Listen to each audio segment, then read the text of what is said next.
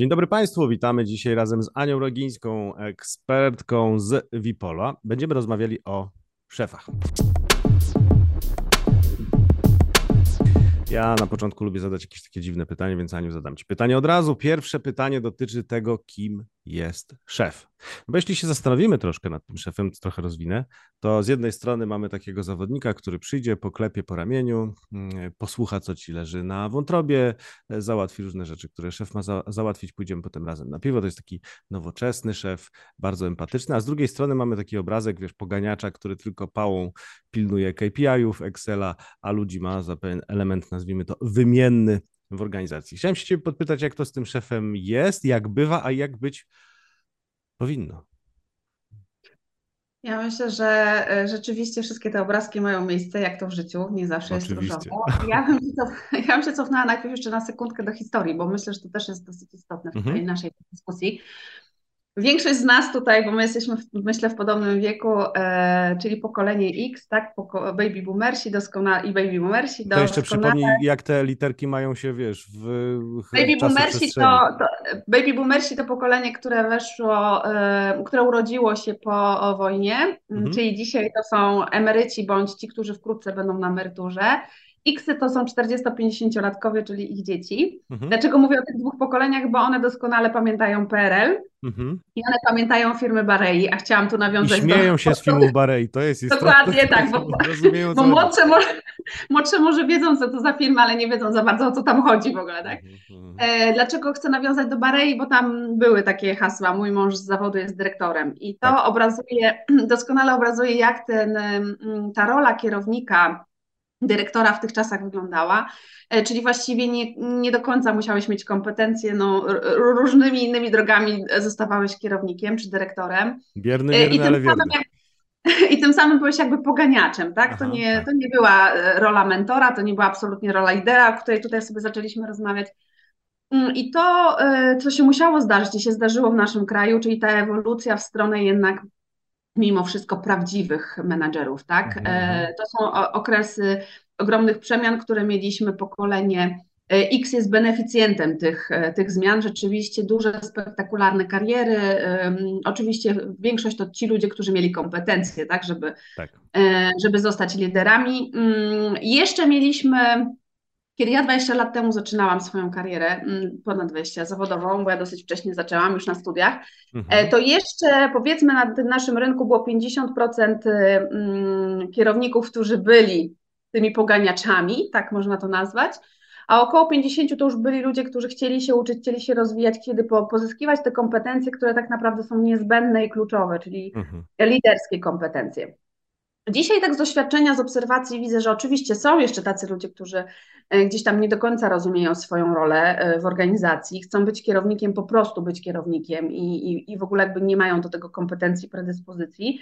Mm, raczej ja bym postawiła taką diagnozę, że w dużych firmach, w korporacjach raczej te kompetencje są ważne i tutaj większość tych menadżerów te kompetencje już posiada, tak, liderskie. Gdzieś tam w firmach rodzinnych, mniejszych rodzin, e, firmach jeszcze polskich, e, myślę, że no nie zawsze to jest tak, jak powinno być. No jest sukcesja, tak, no są różne takie Mm, takie czynniki, których, które sprawiają, że nie zawsze kompeten- tych kompetencji po prostu może brakować w firmie, Jasne. tak? A wiesz co, to zróbmy tutaj małą przerwę, bo mm, nie tyle co mieszamy pojęcia, ale łączymy bardzo dużo pojęć. Pojawiło się nam e, pojęcie menadżerów, e, liderów i teraz mówisz o firmach rodzinnych, czyli tak naprawdę rola właściciela, która miesza w zasadzie wszystko od pracownika liniowego przez menedżera, dyrektora, inwestora, wiesz, nadzorcę, prezesa i coś jeszcze. E, jakbyś Mentora mogła... powinno jeszcze być, poza nadzorcą. No to, to, to tak, gdzieś tam w tym liderze miałem nadzieję, że to się zmieści, ale może faktycznie to nie jest takie oczywiste, przynajmniej nie zawsze. Jakbyś mogła podsumować, e, jakie tak naprawdę powinien e, mieć, może nie tyle co cechy, ile co, czym powinien zajmować się taki, taki szef, aby, aby faktycznie dobrze szefował i aby pchał zarówno organizację do przodu, no, jak i tych swoich ludzi. Ja myślę, że przede wszystkim e, ten szef powinien być zorientowany na wynik, mimo wszystko. Mhm, mm, mhm. Ale to zorientowanie na wynik, czyli jakby jasna, taka klarowna strategia i wizja tego, co, co chce zrobić, dlatego że on tą wizją, to, tym swoim e, pomysłem na to, jak ta organizacja, czy jak ten dział ma wyglądać, powinien zarażać swoich pracowników. To jest mhm, pierwsze i podstawowe.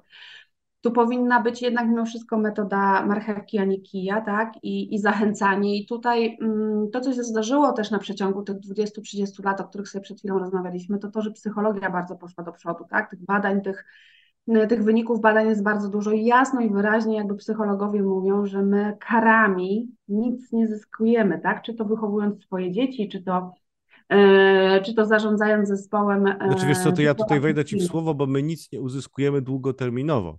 Bo Dobrego, krótkoterminowe oczywiście. jesteśmy w stanie tak. bardzo mocno spiąć zespół, spiąć ludzi, tylko to gdzieś tam mm, znowu w terminie trochę dłuższym prowadzić będzie całkiem sporej e, rotacji w zespole nie? I, i niezbyt tak. dobrej reputacji danego szefa, czy w ogóle. I mimo wszystko, i mimo wszystko to dobrze, dobrze zauważyłeś, i mimo wszystko długofalowo nie będzie rezultatów takich, no jakie moglibyśmy osiągnąć, gdybyśmy jednak zastosowali metodę marchewki, tak? I gdzieś tam motywowali, wyciągali te, dobre cechy z ludzi, e, pracowali nad ich kompetencjami tak, żeby oni się rozwijali. I tutaj e, są badania e, i tych badań jest dosyć sporo, że, że rzeczywiście te, te zespoły, które mają lidera, lidera, który skupia się na, na motywowaniu, tak, na, na szukaniu pozytywów, rzeczywiście osiągają lepsze efekty. I, no i to jest jakby jedyna droga. I teraz jeżeli menadżer nie jest takim liderem, tak, nie, nie, nie chce motywować, a tylko karać, wyszukiwać gdzieś tam błędy i potknięcia,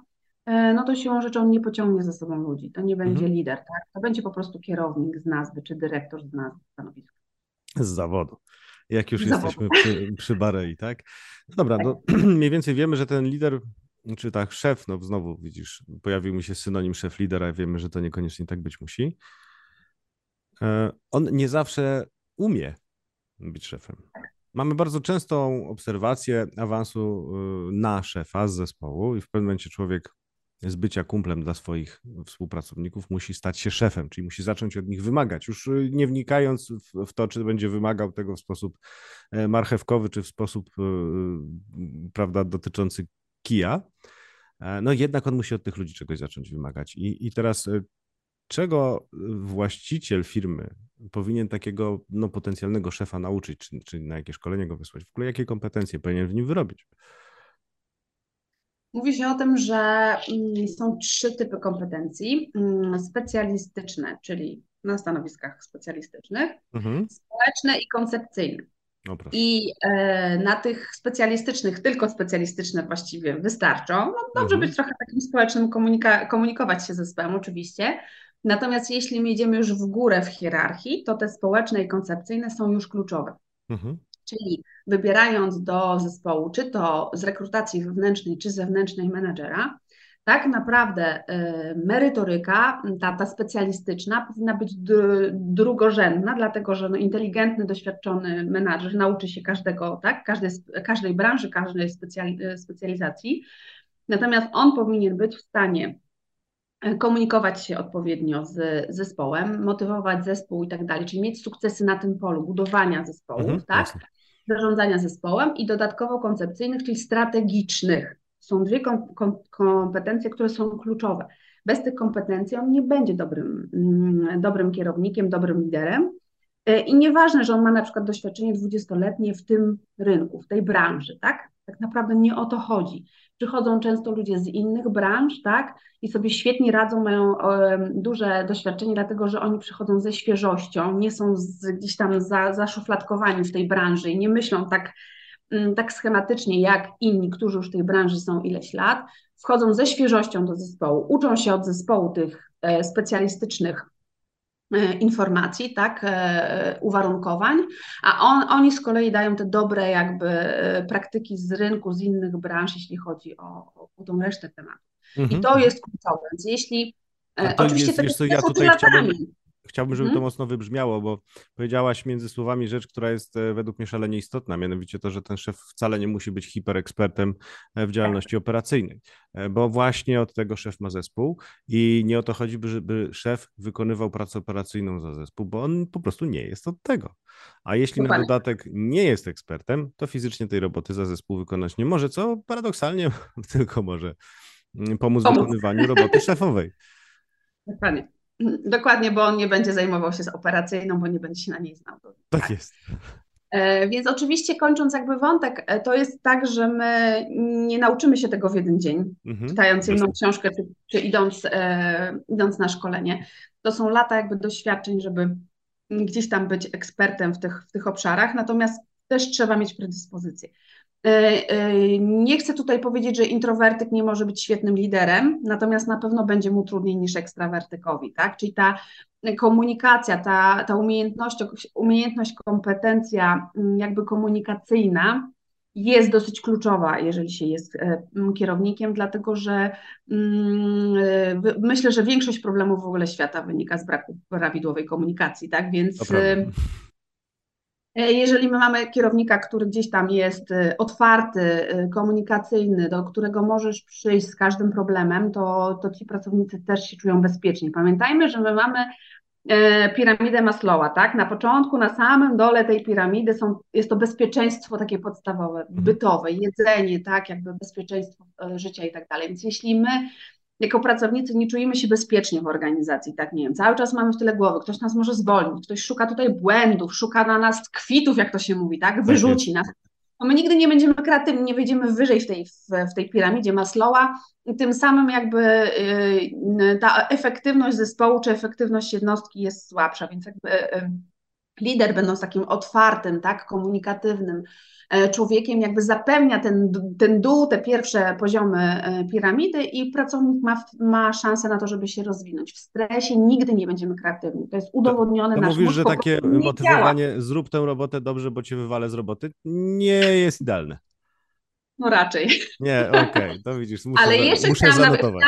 No właśnie, chciałam jeszcze zwrócić uwagę na jedną rzecz, bo to jest też dosyć istotne, że dzisiaj na rynku pracy mamy cztery pokolenia. Mhm. To jest dosyć ciekawy moment, e, moment w historii. Mamy tych baby boomersów, którzy już tak, że tak powiem, jest ich mniej. Mamy te Xy, mamy jeszcze Y, czyli 30, 20-30-latkowie, tak? Bliżej 30 mhm. powiedzmy.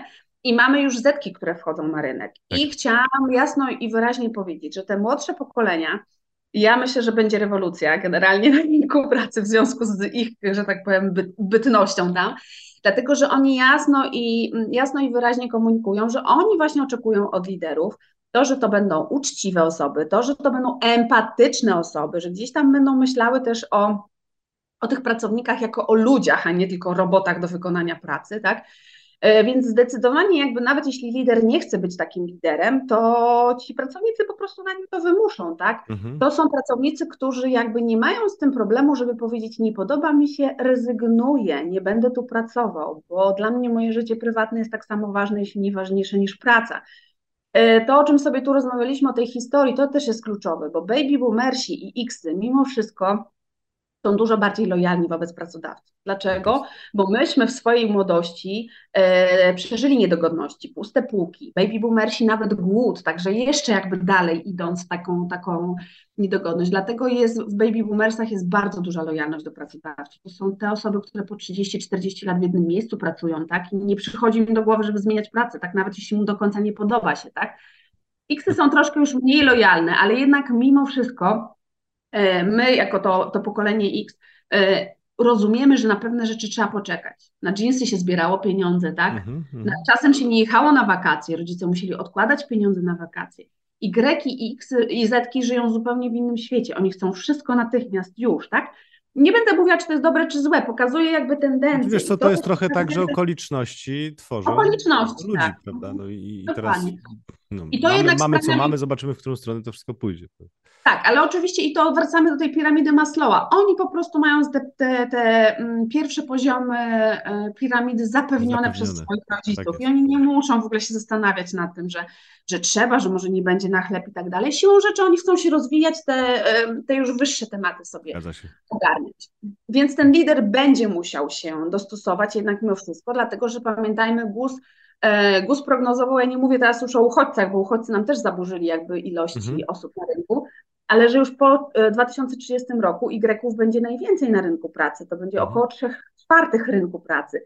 No to to jest masa i siła, czyli ich przekonania, ich oczekiwania no, będą miały znaczenie, no bo ty jako pracodawca potrzebujesz pracownika, tak, więc musisz się jakoś też dostosować do tego, czego on oczekuje od ciebie, tak? Tak jest, tak jest. Wrócę jeszcze na chwilkę do uchodźców, bo o tym Aniu rozmawialiśmy parę miesięcy temu, tu gdzieś e, wrzucę, wrzucę link do naszej rozmowy, bo to też było dość ciekawe. E, natomiast jeszcze taka jedna myśl mi przyszła, że ten lider czy menadżer, który zostanie właśnie menadżerem, on też powinien się uczyć i on też powinien mieć swojego mentora, osobę bardziej doświadczoną i rzeczywiście umiejącą w te rzeczy, których on nie umie. Oczywiście. E, to jest też tak, to jest właśnie znowu wracając do historii, że 20 mm, czy 30 lat temu wystarczyło skończyć studia mhm. i właściwie koniec, tak? I tak pracowałeś tak i nikt niczego od ciebie nie wymagał. No dzisiaj jakby oczekiwaniem i jakby taką normalnością też dla myślę tych ludzi, którzy zajmują szczególnie stanowiska kierownicze, są liderami, jest to, że trzeba się uczyć. Każdego dnia się jakby uczysz robisz studia podyplomowe, uczysz się języków, chodzisz na kursy y, y, gdzieś tam w klubach, jeżeli jesteś jakby mm, tutaj w sprzedaży, marketingu, w tych takich operacyjnych bardzo działach, to też jest uczestniczysz w spotkaniach networkingowych, w klubach biznesowych itd., tak itd. Tak to wszystko gdzieś tam każdego dnia sprawia, że no jak chcesz oczywiście, to jesteś w stanie się uczyć. Jest no w tej chwili to, co jest jakby super i świetne, uważam, szczególnie w internecie, to to, że masz na wyciągnięcie ręki wszystko, czego potrzebujesz, tak? Takie tak, na przykład. No ale mamy też efekty boczne. jak twoje, tak? Czy coachów, no dużo, dużo tematów masz jakby bez skupowania, bez konieczności jakby też wydawania e, dużych pieniędzy, e, możesz się uczyć, tak? Jest możesz, możesz, tylko właśnie tutaj szkoły, muszę Ci tak? powiedzieć, że jest jeden e, bardzo silny efekt uboczny, wydaje mi się niekorzystny, a mianowicie to, że teraz każdy y, mianuje się specjalistą w tak, jakiejś tak. dziedzinie po, tak jak powiedziałaś ileś minut temu, po przeczytaniu jednej książki i to jest troszkę mało. A z kolei przebranie w gąszczu tych wszystkich pseudospecjalistów i wybraniu tego, którego aktualnie potrzebujemy po prostu do roboty najzwyczajniej w świecie, nie jest takie proste. Oczywiście, oczywiście i to, no internet to, to są też fake newsy i tak dalej, zawsze mhm. warto wiedzieć jednak mimo wszystko, które źródła są takie jakby wiarygodne, tak, gdzieś tam uwiarygodniać sobie tych ekspertów, no ale są takie duże nazwiska, tak, które spokojnie możemy tutaj, na których się możemy opierać, bazować i one gdzieś tam, to też jest to, to o czym oni mówią, że my nie mamy, mamy za krótkie życie, żeby przeczytać wszystkie książki i wszystkiego się douczyć. No, to mhm. jest taka droga na skróty. Idziesz do tego eksperta, słuchasz, co on mówi i masz już takie zebrane, wiesz, z iluś tam książek. Tak, tak, masz coś przefiltrowane.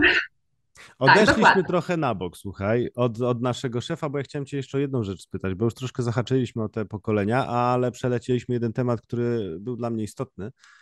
E, o których chciałem Cię podpytać, bo mówiliśmy sobie o tym awansie wewnętrznym, o, o no właśnie, mamy awans wewnętrzny. Powiedz mi, jak no, szefować tym ludziom, którym jeszcze wczoraj byliśmy, wiesz, kumplem tak naprawdę biurko w biurko, a teraz powinniśmy od nich wymagać.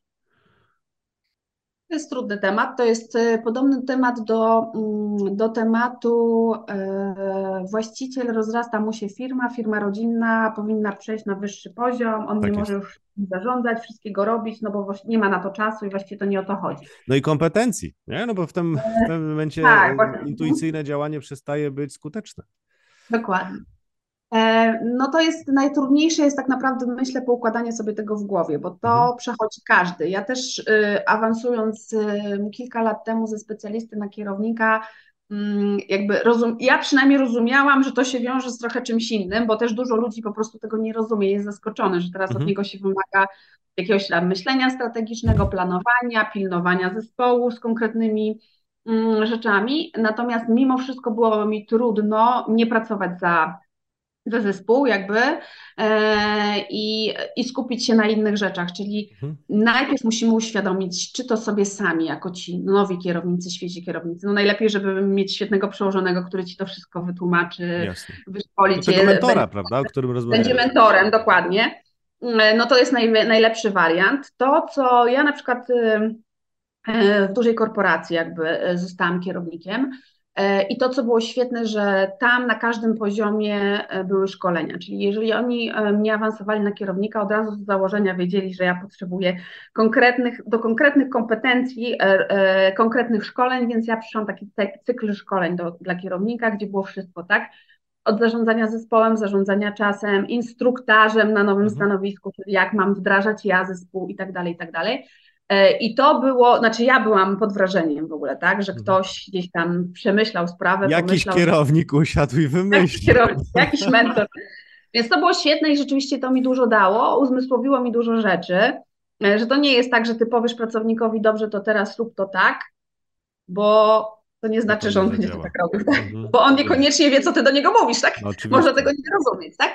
Mm, e, więc myślę, że przede wszystkim e, to jest to uświadomienie, że dzisiaj oczekiwania są inne. Właściwie, jeśli my awansujemy wewnętrznie kogoś, to my w ogóle od razu powinniśmy przed awansowaniem e, zdiagnozować, czy na pewno ta osoba jest w stanie tak, mm -hmm. to, mhm. to robić. porozmawiać z tą osobą jakby i też jej gdzieś tam to, to pokazać, tak, że to dzisiaj będzie inaczej. No a później to jest na pewno masa szkoleń, które trzeba zrobić, czy to profesjonalnych, tak, czy to właśnie mentor, który wskaże, tak, e, wskaże drogę, pokaże na co zwracać uwagę. Mm, no i przede wszystkim e, ta osoba no, musi też mieć takie predyspozycje, asertywność. Mm, tak, to nie Żeby taką silną dosyć osobowość mimo wszystko, żeby później umieć sobie zbudować e, ro, tą rolę lidera, bo to nie jest proste, rzeczywiście, tak? Najpierw piliśmy piwo z kolegą koło biurka, albo zwierzaliśmy mu się, jak to mój mąż jest taki niedobry i w ogóle, a, tak a teraz jestem przełożonym i ja tutaj muszę ci powiedzieć, że ty źle pracujesz, tak? Więc... Tak, tak, albo żeby, bo, bo, potem się pojawią teksty, wiesz, no słuchaj, przygotuj mi to, na co się umawialiśmy, a on za chwilę ci odpowie, no Anka, Anka nie rób sobie jaj, no przecież co ty chcesz? Dokładnie, dokładnie. No jest to trudne, jest to na pewno trudne, ale e, jest wiele, wiele z, z mojego doświadczenia przypadków, że da się to zrobić. E, dlatego ja jestem w ogóle zwolennikiem nieprzyjaźnienia się jakiegoś ogromnego w pracy. To znaczy, no ja mhm. raczej jestem towarzyską osobą, raczej myślę, że lubianą. Natomiast jest taka granica, której my nie powinniśmy w pracy mimo wszystko mm, przekraczać. Tak? Przyjaciół e, i rodzinę ma się jakby poza biurem. Tutaj powinno być miło, bo jesteśmy tu długo, tak? 8 mhm, dziennie minimum. Natomiast są granice, których nie powinniśmy przekraczać i wtedy, kiedy my jesteśmy w nowej roli, to jest też troszeczkę prościej, tak? Bo mimo wszystko jakaś tam doza dystansu e, była i nie ma tego właśnie e, potem przekraczania granic, tego Ania tam daj sobie spokój, bo ja tego nie zrobię, tak? Tak jest. Więc wszystko jakby zależy też od ludzi, tak? Pamiętajmy, że jeżeli chcemy kogoś awansować, to to, że on był świetnym specjalistą, nie oznacza zupełnie, że będzie świetnym kierownikiem. Tak, to, to jest temat, to który jest bardzo często pojawia się, prawda, w firmach. Awansujemy specjalistę i oczekujemy, że on będzie świetnym, e, świetnym szefem. I teraz okazuje się, że tracimy i specjalistę i nie mamy szefa. Dokładnie. A to co, to, co jest też niestety smutne i to się zdarza, że nie ma już powrotu, tak? Po mhm. pierwsze, to też tak mentalnie słabo. Byłem kierownikiem i co, zdegraduje się z powrotem na specjalistę. E, a poza tym zwykle na tym specjaliście już ktoś inny jest, no i co, nie będziemy go wyrzucać, bo ty nie chcesz być już dalej kierownikiem, tak? Więc no to tak jest, jest. trudna sytuacja. Przykro jest, jeśli to, ta relacja i ten pracownik był świetnym pracownikiem i mógłby dalej w organizacji pracować, a my po prostu z tego powodu, że on się on sobie nie poradził na, na tym stanowisku, po prostu musimy się z nim rozstać, tak? To są przykre, przykre sytuacje i, i takie niesprawiedliwe też dla tego człowieka, tak? Mm -hmm, który gdzieś mm -hmm. chciał się no rozwijać, tak, to, ale to, to, to już jest tak nieodpowiedniego podejścia do całego procesu awansu. Tak, dokładnie. Tak to wygląda. Dobra, myślę, Aniu, że powinniśmy lądować. Dosyć o tym szefie dużo powiedzieliśmy. No i teraz w takim razie pochwal no, się... No bo nie w miarę miło, myślę, było. No, ja myślę, że tak, no bo jednak odeszliśmy od tego szefa z pałą na rzecz tego, który jest mentorem e, empatycznym, jednak z pewną dozą mm, asertywności, więc wszystkiego za tych swoich ludzi nie zrobi i poniekąd dobrze, bo po to, po to, po to jest najęty nie oszukujmy Nie? Natomiast chciałbym Cię teraz poprosić, abyś pochwaliła się, e, z czym można się do Ciebie udać w kontekście szefa, czy w ogóle zespołu. Generalnie Grupa Wipol e, jest e, specjalistą w znajdowaniu pracy w Polsce, w firmach polskich dla obcokrajowców, pracy fizycznej i specjalistów, ale fizycznych. Naszą misją jest zapewnienie godnego życia tym obcokrajowcom w Polsce. Mm, dlatego e, szukamy im takich miejsc pracy, w których będą się czuli, e, będą się czuli dobrze i będzie im się e, dobrze pracowało. Doskonale wiemy to, to, to o czym wspomniałeś, myśmy się już raz kiedyś widzieli, jak mhm. wybuchła wojna. Wojna namieszała trochę na rynku polskim. Brakuje, no niestety, brakuje mężczyzn, brakuje męskich rąk do pracy. 500 tysięcy Ukraińców wyjechało walczyć za swój kraj. E, pracodawcy polscy z perspektywy tego, tego czasu, kiedy się nie widzieliśmy, myślę, że, że zaczynają się też dostosowywać dosyć dobrze do tej sytuacji. Mamy dużo kobiet na rynku pracy. Część pracy, która była wykonywana przez mężczyzn, jest w tej chwili wykonywana przez kobiety. E, miejsca pracy są w mniejszych miejscowościach, więc też gdzieś tam zachęcamy mm, Ukrainki, żeby się do tych mniejszych miejscowości przenosiły. Mm, dzisiaj już nawet e, nie wymaga się tego, żeby bardzo dobrze znały polski, czy nawet średnio znały polski. Są miejsca, gdzie zatrudnią je nawet, jeśli nie znają języka polskiego, mhm. dlatego że w tych miejscach jest dużo Ukraińców i mówią, że oni sobie po prostu poradzą. Ktoś im tam przetłumaczy. Czyli rzeczywiście jest duży ukłon pracodawców polskich w tej chwili w, w stosunku do, do no przede wszystkim uchodźczyń, tak, jeśli tu tak mówimy jest. O, o Ukraińcach. Mm, także sytuacja jest dynamiczna. Myślę, że wszyscy już żeśmy troszkę się przyzwyczaili, no przykre, tak, do tej, do tej sytuacji, że jest wojna i sytuacja jest taka, jaka jest. Najpierw chyba były większe nadzieje, że wojna się szybciej skończy, to no tak, ale to widzimy, jak wygląda sytuacja i rzeczywiście, tak jak mówisz, pomału się do tego przyzwyczajamy, co no, tak. To jest trochę, trochę przykre, tak? Jak to tak po prostu sobie emocjonalnie po, popatrzymy, ale z drugiej strony wszyscy muszą gdzieś tam sobie układać życie i żyć. E, więc my jako agencja też staramy się e, te miejsca pracy pozyskiwać w takiej ilości, w jakiej gdzieś tam kandydatów e, mamy na rynku. Mm, no zobaczymy, jak to będzie gdzieś tam dalej wyglądało. Na razie, na razie rzeczywiście jest więcej kobiet niż mężczyzn na rynku. Mhm, no tak, bo tam na razie to cały czas, to, to cały czas agencje pracy tymczasowej mm, mocno pracują nad tym, żeby mm, e, przyjeżdżali do Polski obcokrajowcy z innych dalszych destynacji. E, tutaj proces formalizacji, legalizacji pobytu trwa dosyć długo, bo to nawet do pół roku, więc te efekty te naszej pracy dzisiejszej, w ogóle jako rynku, tak, nie tylko w mhm. ale też innych agencji, no będzie widać myślę już za jakieś 2, 3, 4 miesiące. I myślę, że wtedy tych mężczyzn, tylko nie z Ukrainy, tylko jakby z innych, z innych krajów, będzie więcej w Polsce. Także mhm. może będzie to łatwiej. Tak czy owak, jeśli mamy tutaj jakieś potrzeby w obszarze ludzkim, należałoby się z po prostu dzwonić i będzie dobrze. Bardzo Ci dziękuję, Ani, za dzisiejszą rozmowę i do zobaczenia kolejnym razem. A Wam, drodzy widzowie, życzymy udanych łowów ludzkich. No i oczywiście awansowania na szefów. Wszystkiego dobrego, do zobaczenia. Dokładnie.